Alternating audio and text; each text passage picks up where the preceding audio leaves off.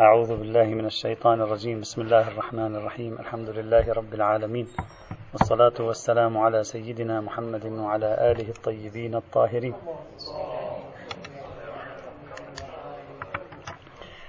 الموضوع الأخير الذي نود الحديث عنه خلال هذين اليومين يدور حول العنوان الآتي. الأسماء والعناوين بين الطريقية والموضوعية.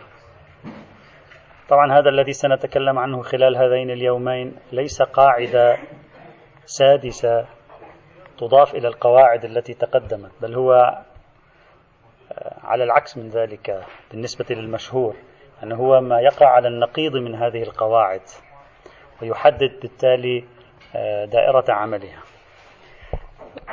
الأسماء والعناوين بين الطريقية والموضوع. قبل أن أشرح ما هو المراد من هذه الفكرة اللي هي من أساسيات العمل الاجتهادي الذي يمارسه المجتهدون بشكل عفوي. لا بد أن نبحث في قاعدة اسمها قاعدة تبعية الأحكام للأسماء والعناوين. لأن هذه القاعدة هي التي ستدخلنا في القاعدة الثانية أو ستكون القاعدة الثانية جزءا مكملا لها كما سوف أوضح الآن بشكل أكثر. فإذا في هذا التمهيد الآن سوف أتكلم عن قاعدة اسمها قاعدة تبعية الأحكام للأسماء. قاعدة تبعية الأحكام للعناوين. الأحكام تدور مدار أسمائها. الأحكام تدور مدار العناوين. ما شئت فعبر. تعابير كثيرة متعددة في هذا الإطار. كل القواعد التي مرت معنا سابقا تؤدي بنا إلى الخروج عن النص. تنقيح المناط إلغاء الخصوصية مناسبة الحكم والموضوع تخريج المناط الاعتبار. كلها قواعد تسمح لي بالتوسع والخروج عن حرفية العناوين المأخوذة بالنص. هذا في مقابلها توجد قاعدة تمثل بالنسبة إليهم الأصل وهي التي تقول بأن العناوين المأخوذة في النصوص هي التي يجب العمل عليها. فإذا أردت أن تخرج عن هذه العناوين أنت بحاجة تأتيني بدليل. طيب. قاعدة تبعية الأحكام للأسماء والعناوين من القواعد التي عليها مدار الاجتهاد كما سوف كما كما نعرف جميعا عندما سأشرحها ستعرفون أنها قاعدة بديهية يعني. لكن لم يصنف فيها آه، كتاب مستقل ولا رسالة مستقلة ولا أفرد فيها بحث مستقل. باستثناء شيء بسيط جدا مثلا الملا محمد النراقي في كتابه مشارق الأحكام أفرد لها بحثا ممكن سطر صفحتين أو ثلاث الملا أحمد النراقي صاحب المستند في كتابه عوائد الأيام هم أيضا أفرد لها بحثا تحت عنوان تبعية الأحكام للأسماء. المراغي في كتاب العناوين الفقهية هم أيضا أفرد لها بحثا طويلا لكن كثير من تفاصيل هذا البحث ليس مربوطا بأصل القاعدة بالتفريعات.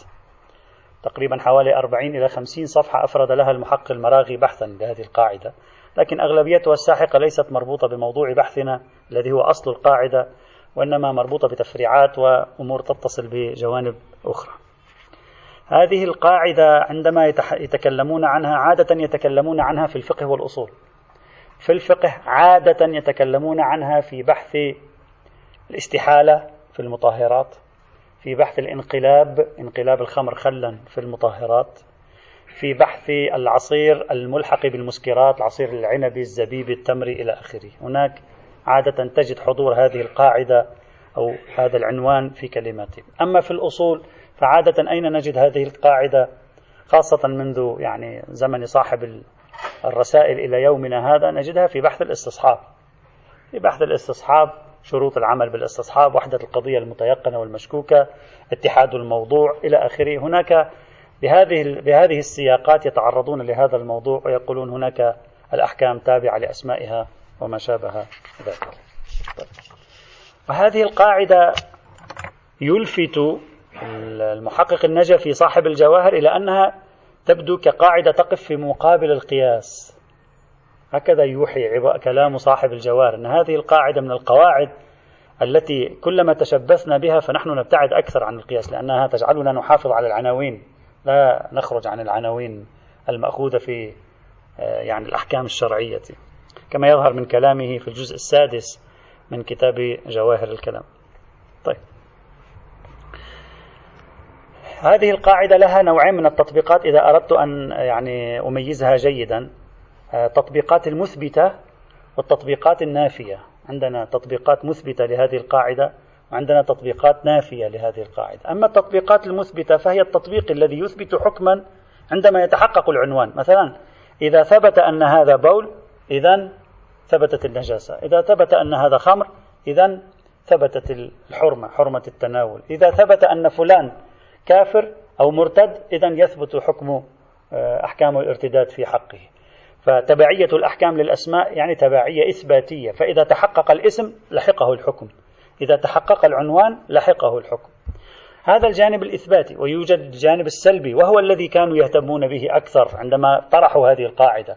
مثلا إذا تغير العنوان تغير الحكم.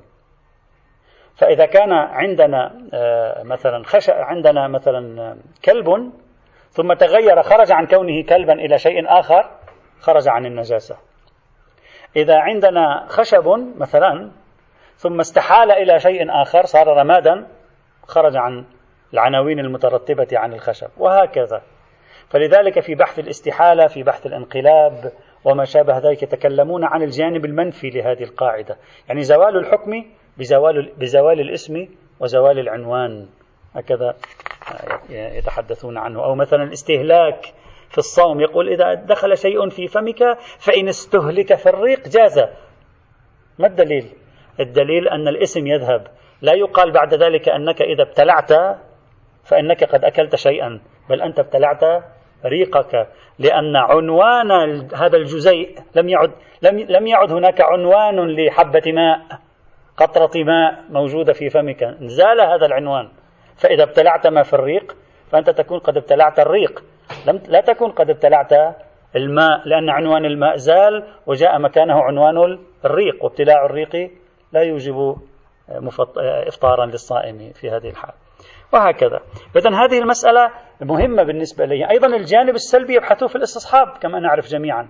مثلا أنا أريد أن أستصحب شيئا إذا كان الشيء في مرحلة البقاء هو غير الشيء في مرحلة الحدوث لا يمكنني أن أستصحبه.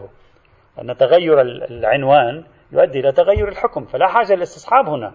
هنا عندي علم بثبوت الحكم في المرحلة الأولى والمفروض عندي علم أيضا بانتفاء الحكم في المرحلة الثانية. فلا داعي للاستصحاب حينئذ. هذا واضح. إذا قاعدة تبعية الأحكام للأسماء. سنخ قاعدة تقول بأن الأحكام تتبع العناوين التي تنصب عليها. فإذا وجدت العناوين جاءت الأحكام. وإذا انعدمت العناوين انعدمت الأحكام. وهذا واضح. نريد الآن أن نميز بين هذه القاعدة وقاعدتين آه، أخريتين. القاعدة الأولى قاعدة المفاهيم والقاعدة الثانية اسمها قاعدة اختلاف الأحكام بالأسماء. يعني معذرة لا. اختلاف الاسم اختلاف الاسم لا يؤدي إلى اختلاف الحكم عدم اختلاف الأحكام بالأسماء. أما قاعدة المفاهيم فنحن إذا قلنا الحكم منصب على عنوان البول فإذا زال عنوان البول زال الحكم. اللي هو هذا قاعدة تبعية الأحكام للأسماء هذا لا علاقة له ببحث المفاهيم. يعني في باب المفاهيم إذا زال عنوان البول دل الدليل على عدم وجود حكم بالنجاسة. هذا مفهوم. مفهوم يعني المفهوم بنفسه دليل شرعي على عدم وجود كلي النجاسة في المقام عند زوال وصف البول أو عنوان البول. أما في بابنا هنا لا علاقة لذلك ببحث المفاهيم. إذا زال البول النجاسة الآتية من عنوان البول زالت. لا يزول كلي النجاسة. يعني هذا تابع لقاعدة احترازية القيود ليس تابعا لقاعدة المفهوم. يعني ما الفرق بين قولنا؟ إن جاءكم فاسق بنبأ فتبينوا وبين قولنا وجوب التبين ثابت على خبر الفاسق. الفرق إذا جاءكم فاسق بنبأ فتبينوا إذا كان لها مفهوم فهي بنفسها تدل على ارتفاع وجوب التبين عند عدم الفسق. فعندي صار الآن دليلين. دليل يثبت وجوب التبين عند الفسق ودليل آخر اسمه المفهوم. يثبت لي عدم وجود وجوب للتبين يعني الكل منتفي. حال عدم وجود الفسق. أما وجوب التبين ثابت على خبر الفاسق هذه تبعية الأحكام للأسماء. وجوب التبين مترتب على عنوان خبر الفاسق. إذا انتفى خبر الفاسق هذا الوجوب ينتفي. ينتفي لأنه انعدم عنوانه. أما هل كلي وجوب التبين ينتفي؟ لا. قد يكون هناك وجوب للتبين بملاك آخر في حق شخص عادل لكنه مثلا بسبب كونه زاد عمره عن سبعين سنة يجب التبين في خبره يعني بملاك آخر. إذا في فرق جوهري ينبغي الالتفات إليه بين قاعدة تبعية الأحكام للأسماء والعناوين وبين قاعدة المفاهيم. في قاعدة تبعية الأحكام للأسماء والعناوين عندي حكم واحد فقط يأتي ويزول هو. أما في قاعدة المفهوم عندي حكمان حكم بالثبوت وحكم بنفي كلية الوجوب عند انتفاء خبر الفاسق. فإذا في فرق بينهما وهذا العنوان ينفي شخص الحكم والمفهوم ينفي كلي الحكم. نعم.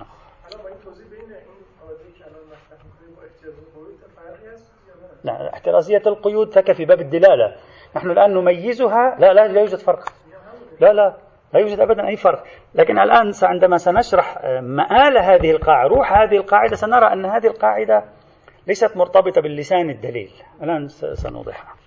إذا صار واضح الفرق بين قاعدة تبعية الأحكام للأسماء بحسب ما يطرحونها. وبين قاعدة المفهوم في قاعدة تبعية الأحكام للأسماء في مرحلة النفي فقط ينتفي شخص الحكم الآتي من هذا العنوان؟ أما في قاعدة المفاهيم ينتفي كلي الحكم من هذا العنوان ومن غيره. فإذا هذا واضح الفرق. يوجد عندنا قاعدة أخرى أيضا اسمها قاعدة الأحكام لا تختلف باختلاف الأسماء. وهذه على النقيض من قاعدة تبعية الأحكام للأسماء. على النقيض تماما من هذه القاعدة فماذا يقصدون؟ تارة الأحكام تابعة للأسماء والعناوين وأخرى الأحكام لا تختلف باختلاف الأسماء والعناوين. وهذا أشبه بالتناقض.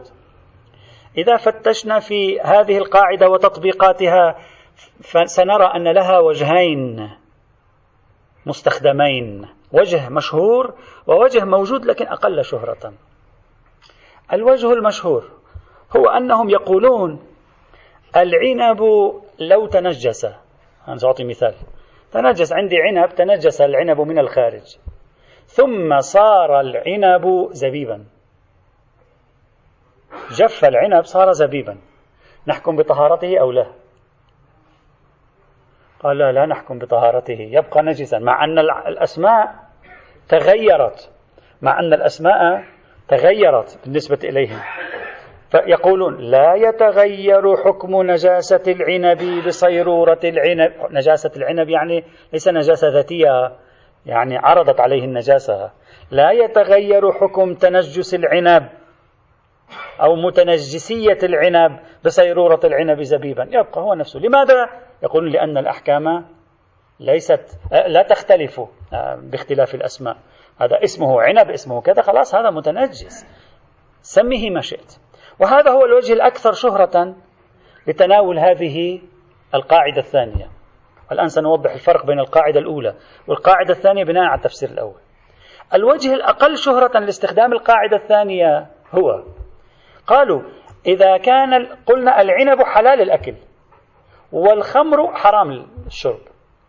ثم بعد ألف عام الناس صاروا يسمون ما كان يسمى خمرا يسمونه عنبا. وما كان يسمى عنبا صاروا يسمونه خمرا مثلا تغير اللغة اللغة تتغير منذ ألف عام. الذي هو هذا السائل المسكر كان يسمى خمرا وذاك. تلك الثمرة التي على الكروم كانت تسمى عنبا تغيرت اللغة مثلا بعد ألف عام من عصر النبي صارت الناس العرب صاروا يسمون مثلا هذا السائل المسكر يسمونه عنب واللغة تتغير. وذاك العنب الآتي من الكرم هذا يسمونه خمرا. هل يتغير الحكم؟ يصبح العنب الذي كان يسمى عنب حراما ويصبح المادة المسكرة حلالا؟ يقول لا. لا تختلف الأحكام باختلاف الأسماء. هذا من موارد تطبيق هذه يعني بعبارة أخرى إذا حصل تحول في اللغة وتغير في التعابير لا يوجب ذلك تغير الأحكام الشرعية. بل الأحكام تتبع من صبت عليه عند نزولها أو عند صدورها. إذا قاعدة لا تختلف الأحكام لا تختلف باختلاف الأسماء لها وجهان. وجه أكثر شهرة وجه أقل شهرة. الوجه الأكثر شهرة مثاله العنب إذا صار زبيبا في باب النجاسة. الوجه الأقل شهرة تحول اللغة. لا يوجب تحولا في الأحكام الشرعية مفترض. الآن السؤال ما هو الفرق بين قاعدة تبعية الأحكام للأسماء وبين قاعدة لا تختلف الأحكام باختلاف الأسماء خاصة في الشكل الأول لا اللي هو الشكل المشهور. ما هو الفرق بينهما؟ لماذا لم يتغير حكم النجاسة بتغير عنوان العنب؟ ما هو كان اسمه العنب هذا نجس أو متنجس؟ فلما تغير إلى زبيب صار مفترض أن يكون طاهر. لماذا هناك لم يقبلوا؟ نعم. نعم. لماذا لم يقبلوا؟ قالوا لأن مرادنا في قاعدة تبعية الأحكام للأسماء الأسماء والعناوين هناك يراد منها الموضوع. هذا الذي أنا أريد أصل إليه في هذه المقدمة. هذا يراد منه الموضوع يعني الفقيه يذهب إلى الأدلة يكتشف موضوع الحكم يرى موضوع الحكم. هو عبارة عن مثلا الخمر. فإذا تحول الخمر إلى بخار زال موضوع الحكم. أما عندما يكتشف أن موضوع الحكم هو الشيء المتنجس. وأحد مصادق هذا الشيء هو عبارة عن العنب. إذا العنبية ليست موضوع الحكم. فلا تكون العنبية مندرجة تحت قاعدة تبعية الأحكام للأسماء. المندرج تحت قاعدة تبعية الأحكام للأسماء الشيء الشيء هذا تنجس. وما ما زال هذا شيء تنجس. حتى لو صار زبيبا. إذا كلما فهمنا من كلمة الأسماء والعناوين ما يدور الحكم مداره يعني الموضوع العنوان الموضوعي الذي يدور الحكم مداره ثبتت القاعدة وصار مجال قاعدة تبعية الأحكام للأسماء. وكلما فهمنا من الأسماء والعناوين الصفات التي لا يدور الحكم مدارها جاءت قاعدة لا تختلف الأحكام باختلاف الأسماء والعناوين. فإذا بين الاثنين تباين من حيث موردهما أو موردهما ولا ينبغي خلطهما مع بعضهما بعضا. لا ما الآن الآن سوف الآن من هنا سوف ندخل إلى قاعدة تبعية ألسنة الأدلة مأخوذة عنه الطريقية أو الموضوعية. نحن بحثنا في الطريقية والموضوعية. يعني هذا كان المدخل لهذه.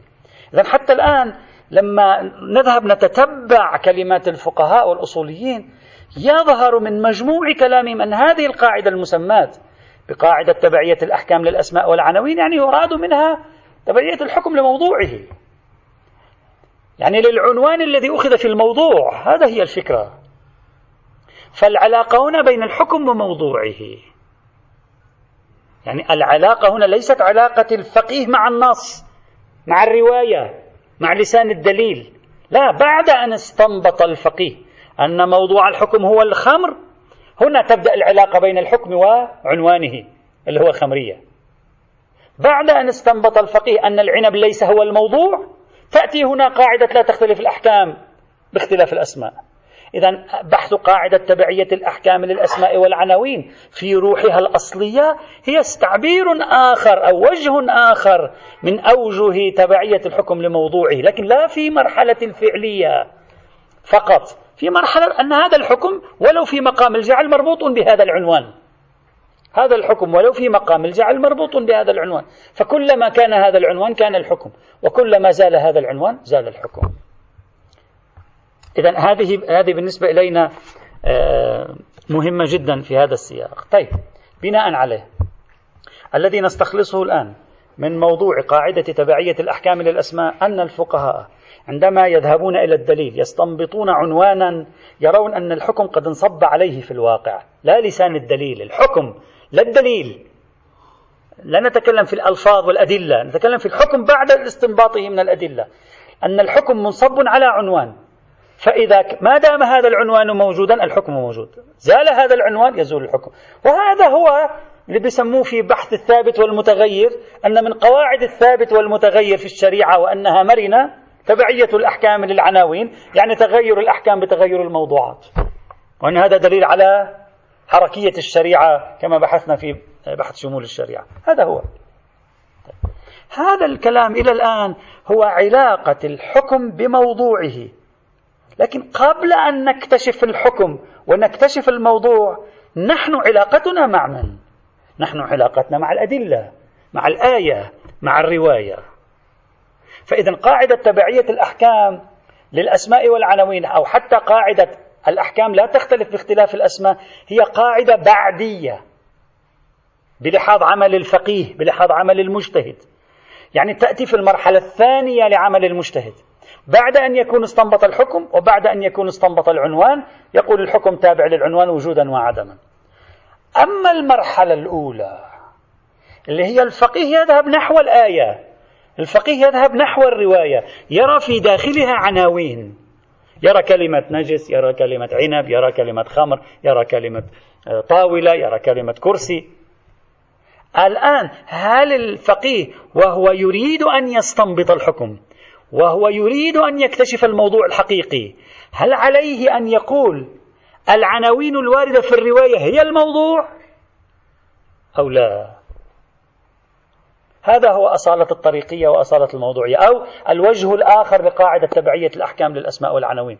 ذاك الوجه كان وجه قانوني في العلاقة بين الحكم وموضوعه بين الحكم وعنوانه والآن هذا وجه تفسيري هرمنوطيقي فهمي في العلاقة بين الحكم وبين العناوين الملفوظة في النص أو الخطاب.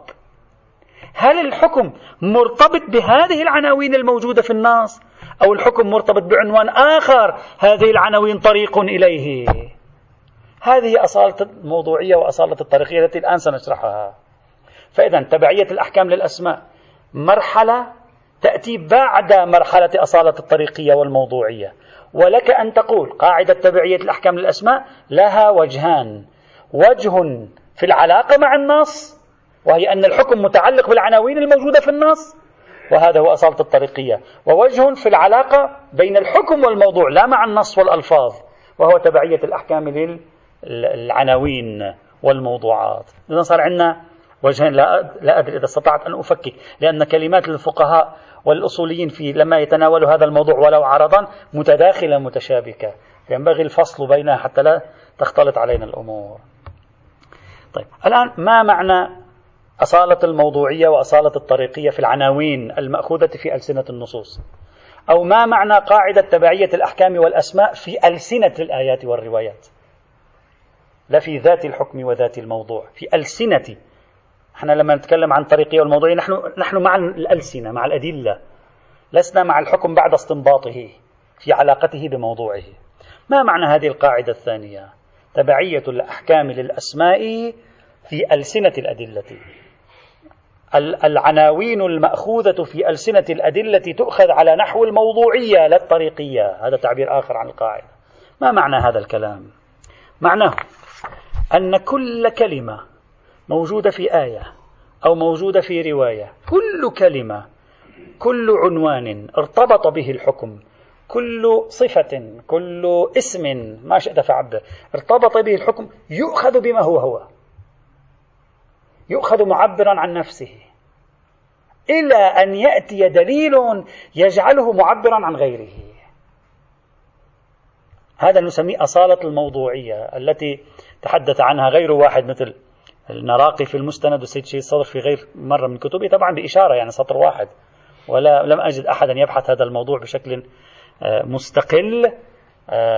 يعني نادرا ما تجد أحد يبحث في هذا الموضوع. الشيخ الإيرواني بحث في هذا الموضوع تحت عنوان تبعية الأحكام الأسماء خلط بين البحثين معا. يعني دمج ليس خلط دمج بينهما معا. فأشار للأول والثاني دامجا بينهما دون أن يميز بينهما. سأعطي الآن أمثلة حتى نفهم الفكرة بشكل أو بآخر. جاء الدليل يقول الشطرنج حرام. الدليل نحن مع الدليل الآن. الدليل علق كلمة حرام بالشطرنج. هل نقول الحرمة انصبت على العنوان شطرنج بما هو شطرنج؟ أو انصبت على الشطرنج بما هو آلة قمار مثلا. إذا قلنا انصبت على الشطرنج بما هو شطرنج فنحن نقول هنا بأصالة الموضوعية في العنوان المأخوذ في الدليل. وإذا قلنا الحرمة انصبت على الشطرنج بوصفه آلة قمار فالشطرنج هنا أخذناها على نحو المثالية أو أخذناها على نحو الطريقية طريق لغيرها.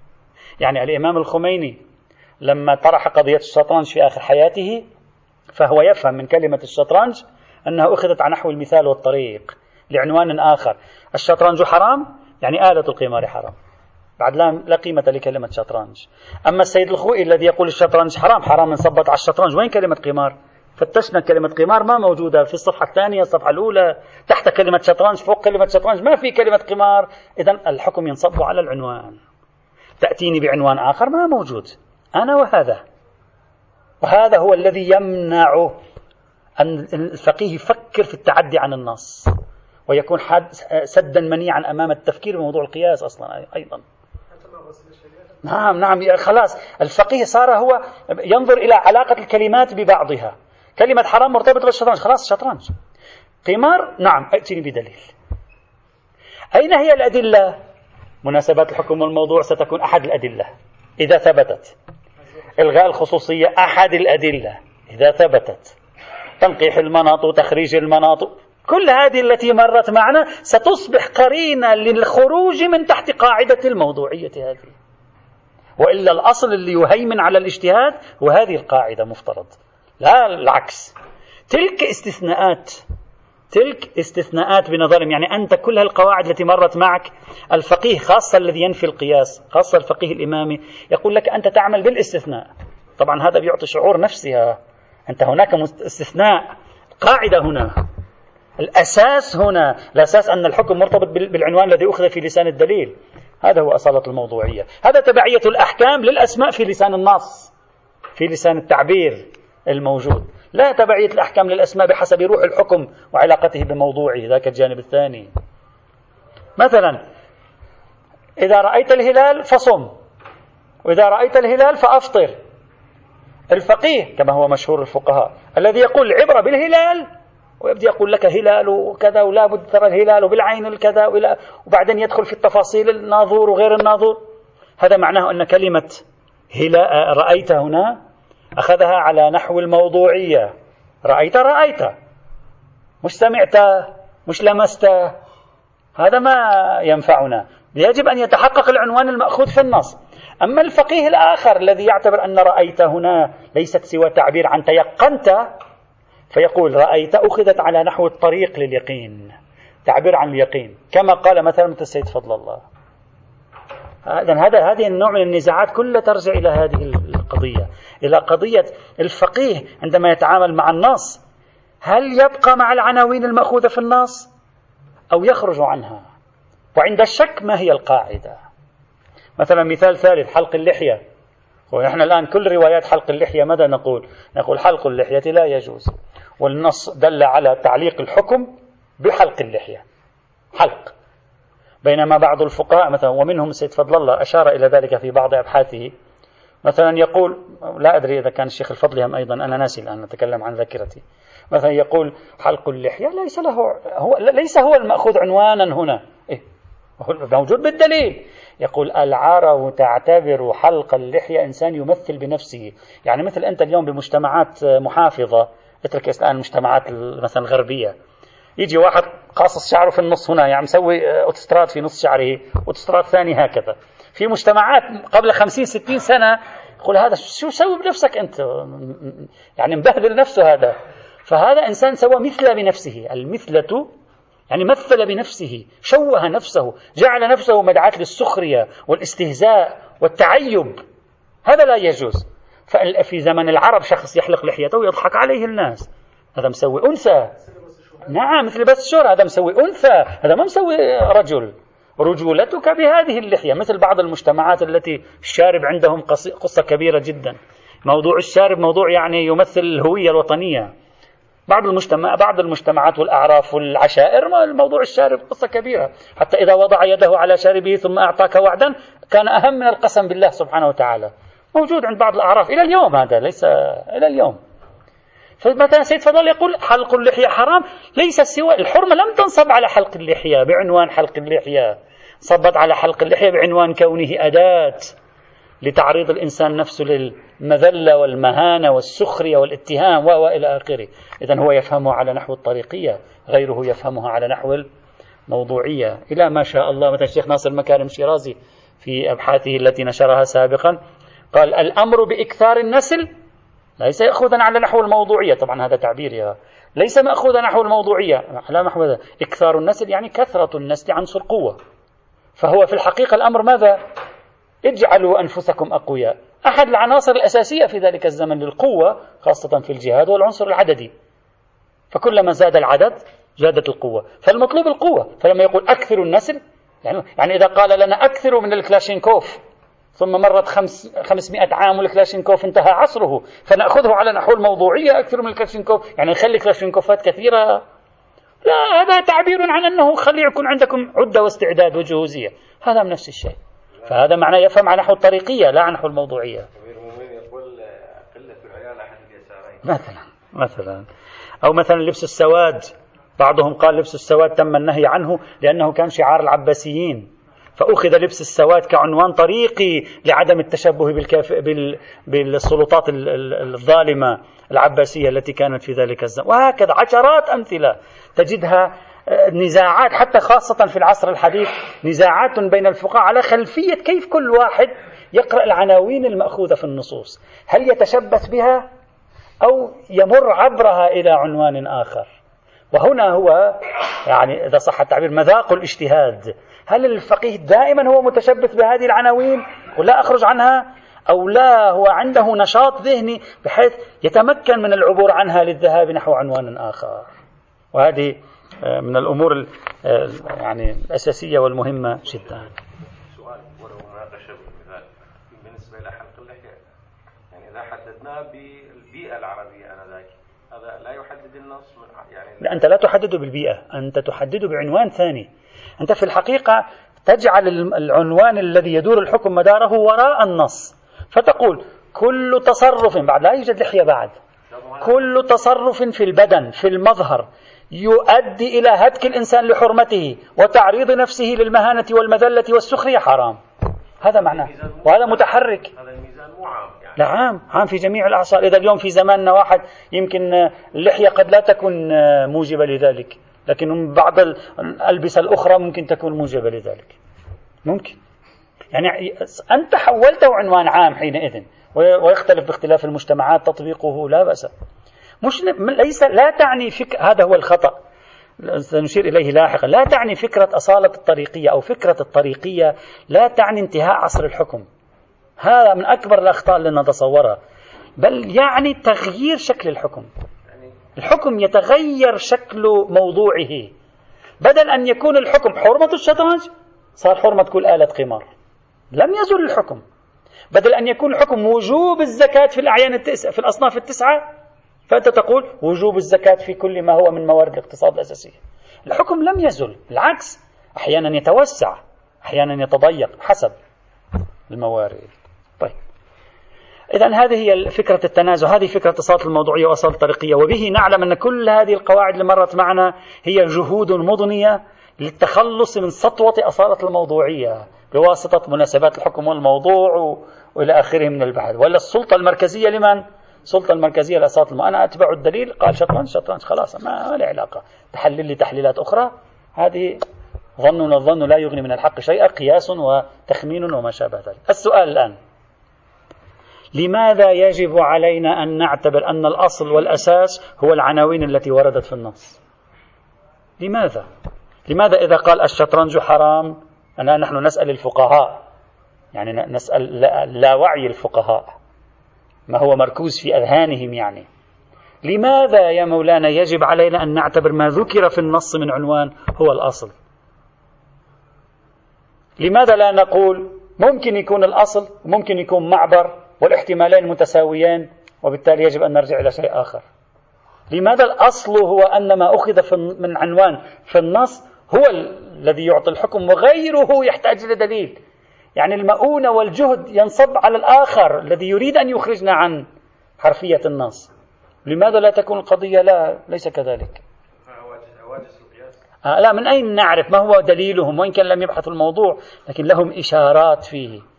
إذا تأملنا كلمات الفقهاء والأصوليين في ثنايا كلماتهم يرجع إلى دليلا. دليل الأول أن هذا هو مقتضى الظهور العرفي. العرف يفهم لما يقول الشطرنج حرام العرف يفهم حرمة الشطرنج. أن تقول لي العرف يفهم حرمة آلات القمار هذا يحتاج لقرينة فهذا مقتضى الظهور العرفي. إذن أول دليل عندهم وهو من أهم الأدلة أن هذا مقتضى الظهور العرفي. أن الحكم مرتبط بالعنوان الذي أخذ في النص. العرف هكذا يتعاملون. عنوان الذي أخذ في النص طريق إلى عنوان آخر يحتاج إلى قرينة. ما عندك قرينة. إذا هذا أول دليل. دليل الثاني إن هذا هو القدر المتيقن.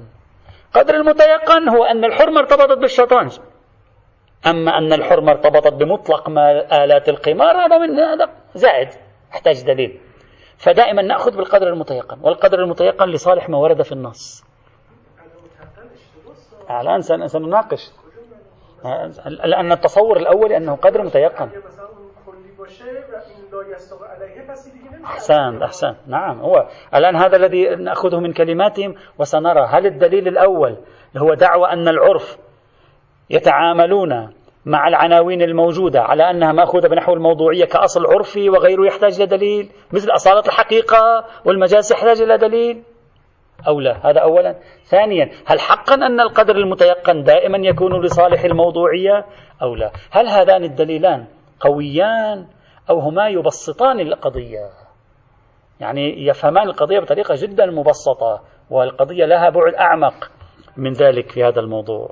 قد تقول أول إشكال أنت ممكن تريده تقول مولانا العزيز أنت عن ماذا تبحث؟ ليس أول إشكال أول سؤال عن ماذا تبحث؟ الجواب أنا أبحث عن أصل مرجعي. ما معنى أصل مرجع؟ يعني إذا دل الدليل على أن هذا العنوان الذي في النص هو الموضوع نأخذ به. إذا دل الدليل على أن هذا العنوان في النص أخذ على نحو الطريقية نأخذ به. البحث كل البحث هو لو لم يدل دليل منفصل دليل آخر على أن هذا العنوان الذي أخذ في, المو... في, ال... في النص هو تمام الموضوع للحكم أو لا؟ ما عندي دليل آخر. ما عندي قرينة تثبت أنه التمام ما عندي قرينة تثبت أنه ليس, ليس بتمام. هل هناك أصل أرجع إليه؟ هم يقولون الأصل هو أصل الموضوعية اعتمادا على الظهور العرفي اعتمادا على القدر المتيقن. أصالة الموضوعية هي المحكمة في المقام.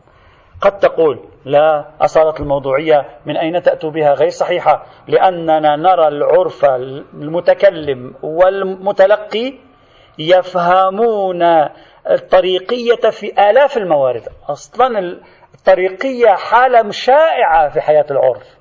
فكيف تقولون أن الأصل عند العرف هو الموضوعية؟ كيف؟ ألم ندرس سابقا بحث مناسبات الحكم والموضوع؟ ألم ندرس سابقا تنقيح المناط وإلغاء الخصوصية وإلغاء الفارق؟ ألم ندرس تخريج المناطات وإلى آخره؟ كم مرة طبق العرف هذه القواعد؟ آلاف المرات العرف يطبق هذه القواعد. بل قلنا سابقا بناء الفقه عليها. لو ألغيتها من الفقه زال كل شيء موجود بين أيدينا الآن. طيب. فإذا من أين عرفتم أن العرف الأصل عنده؟ أن العناوين المأخوذة في النصوص مأخوذة عنه الموضوعية؟ آلاف الموارد العرف لا يأخذ فيها العناوين على نحو الموضوعية أنتم تعطون أمثلة في ذلك. آلاف المواضع. فمن أين تقولون أن العرف هذا هو الأصل عنده؟ هذا النوع من الإشكالات قد يجيبون عنه على طريقتهم يقولون لك العرف يرى هذا الأصل ولا يمنع أن يخرج عن الأصل في آلاف الموارد. مثل العرف يرى الأصل هو الحقيقة ولا يمنع ذلك أن نخرج عن الأصل في آلاف الموارد إذا كانت هناك قرينة مجاز. هنا لأنه توجد قرينة عرفية بمناسبات الحكم والموضوع لأنه توجد قرينة عرفية بإلغاء الخصوصية عرفا خرجنا عن مقتضى أصالة الموضوعية. أما كلامنا حيث لا توجد قرينة هل العرف يفهمون الموضوعية أو الطريقية؟ الجواب العرف يفهمون الموضوعية برأيهم. إذا الدليل العمدة على أصالة الموضوعية في العناوين في ألسنة النصوص الظهور العرفي وسلوك العرف. ثانيا القدر المتيقن. سلوك العرف حيث لا قرينة. ممكن يكون في آلاف الموارد قرينة ما في مشكلة. لكن حيث لا قرينة يرجع العرف إلى أصالة الموضوعية. السؤال الآن هل هذه الأدلة أو هذين الدليلين يمكن الاعتماد عليهما أو لا يمكن الاعتماد عليهما؟ غدا إن شاء الله نرى. والحمد لله رب العالمين.